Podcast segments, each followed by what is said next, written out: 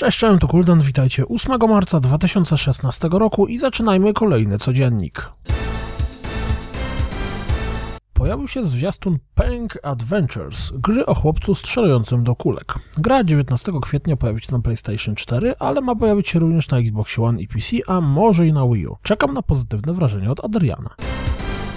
Zapowiedziano Sniper Elite 4. Tym razem będziemy strzelać we Włoszech, a gra ma pojawić się jeszcze w tym roku pojawił się zwiastun gry Inversus, strzelaniny wymagającej myślenia, która zmierza na PlayStation 4 i PC. Ze zwiastuna Carmageddon Max Damage dowiedzieliśmy się, że gra pojawi się na konsolach 3 czerwca 2016 roku. Razem ze zwiastunem zadebiutował darmowy dodatek do Warhammer The End Times Vermintide o tytule Last Stand, w którym pojawia się nowy tryb gry oraz pierwszy płatny dodatek Schlussel Schloss, czyli kosztująca 2 funty nowa mapa. Co ciekawe, wystarczy, że jeden z graczy kupi mapkę, a całe lobby będzie mogło na niej grać. Overwatch pojawi się 24 maja, a na początku maja odbędzie się jego otwarta beta. Fable Legends zostało anulowane, a Lionhead Studios zostanie zamknięte.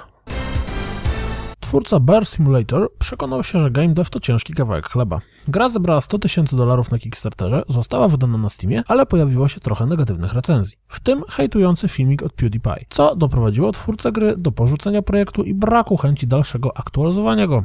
Bywa.